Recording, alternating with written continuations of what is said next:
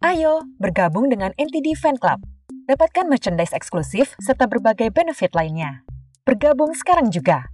Hubungi WhatsApp 0813 8080 2513. Anda sedang mendengarkan podcast NT di Kehidupan. Selamat mendengarkan. Abaikan saja. Di sebuah hutan, hiduplah seekor singa yang gagah dan besar.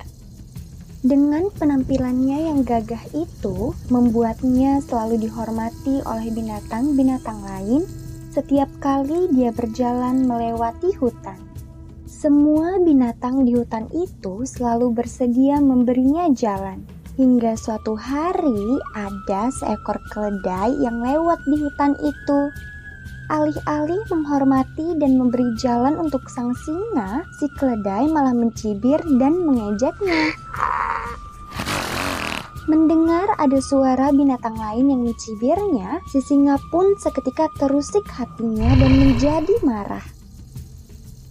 Namun, saat ia melihat bahwa pelakunya adalah seekor keledai, Singa pun tidak mau ambil pusing dan segera saja ia melanjutkan perjalanannya dengan tenang.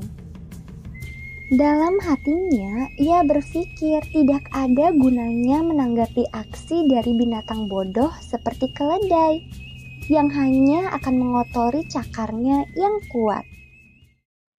Dalam hidup, ada kalanya kita tidak perlu menanggapi segala perkataan dari orang bodoh yang perlu dilakukan hanyalah cukup mengabaikannya saja.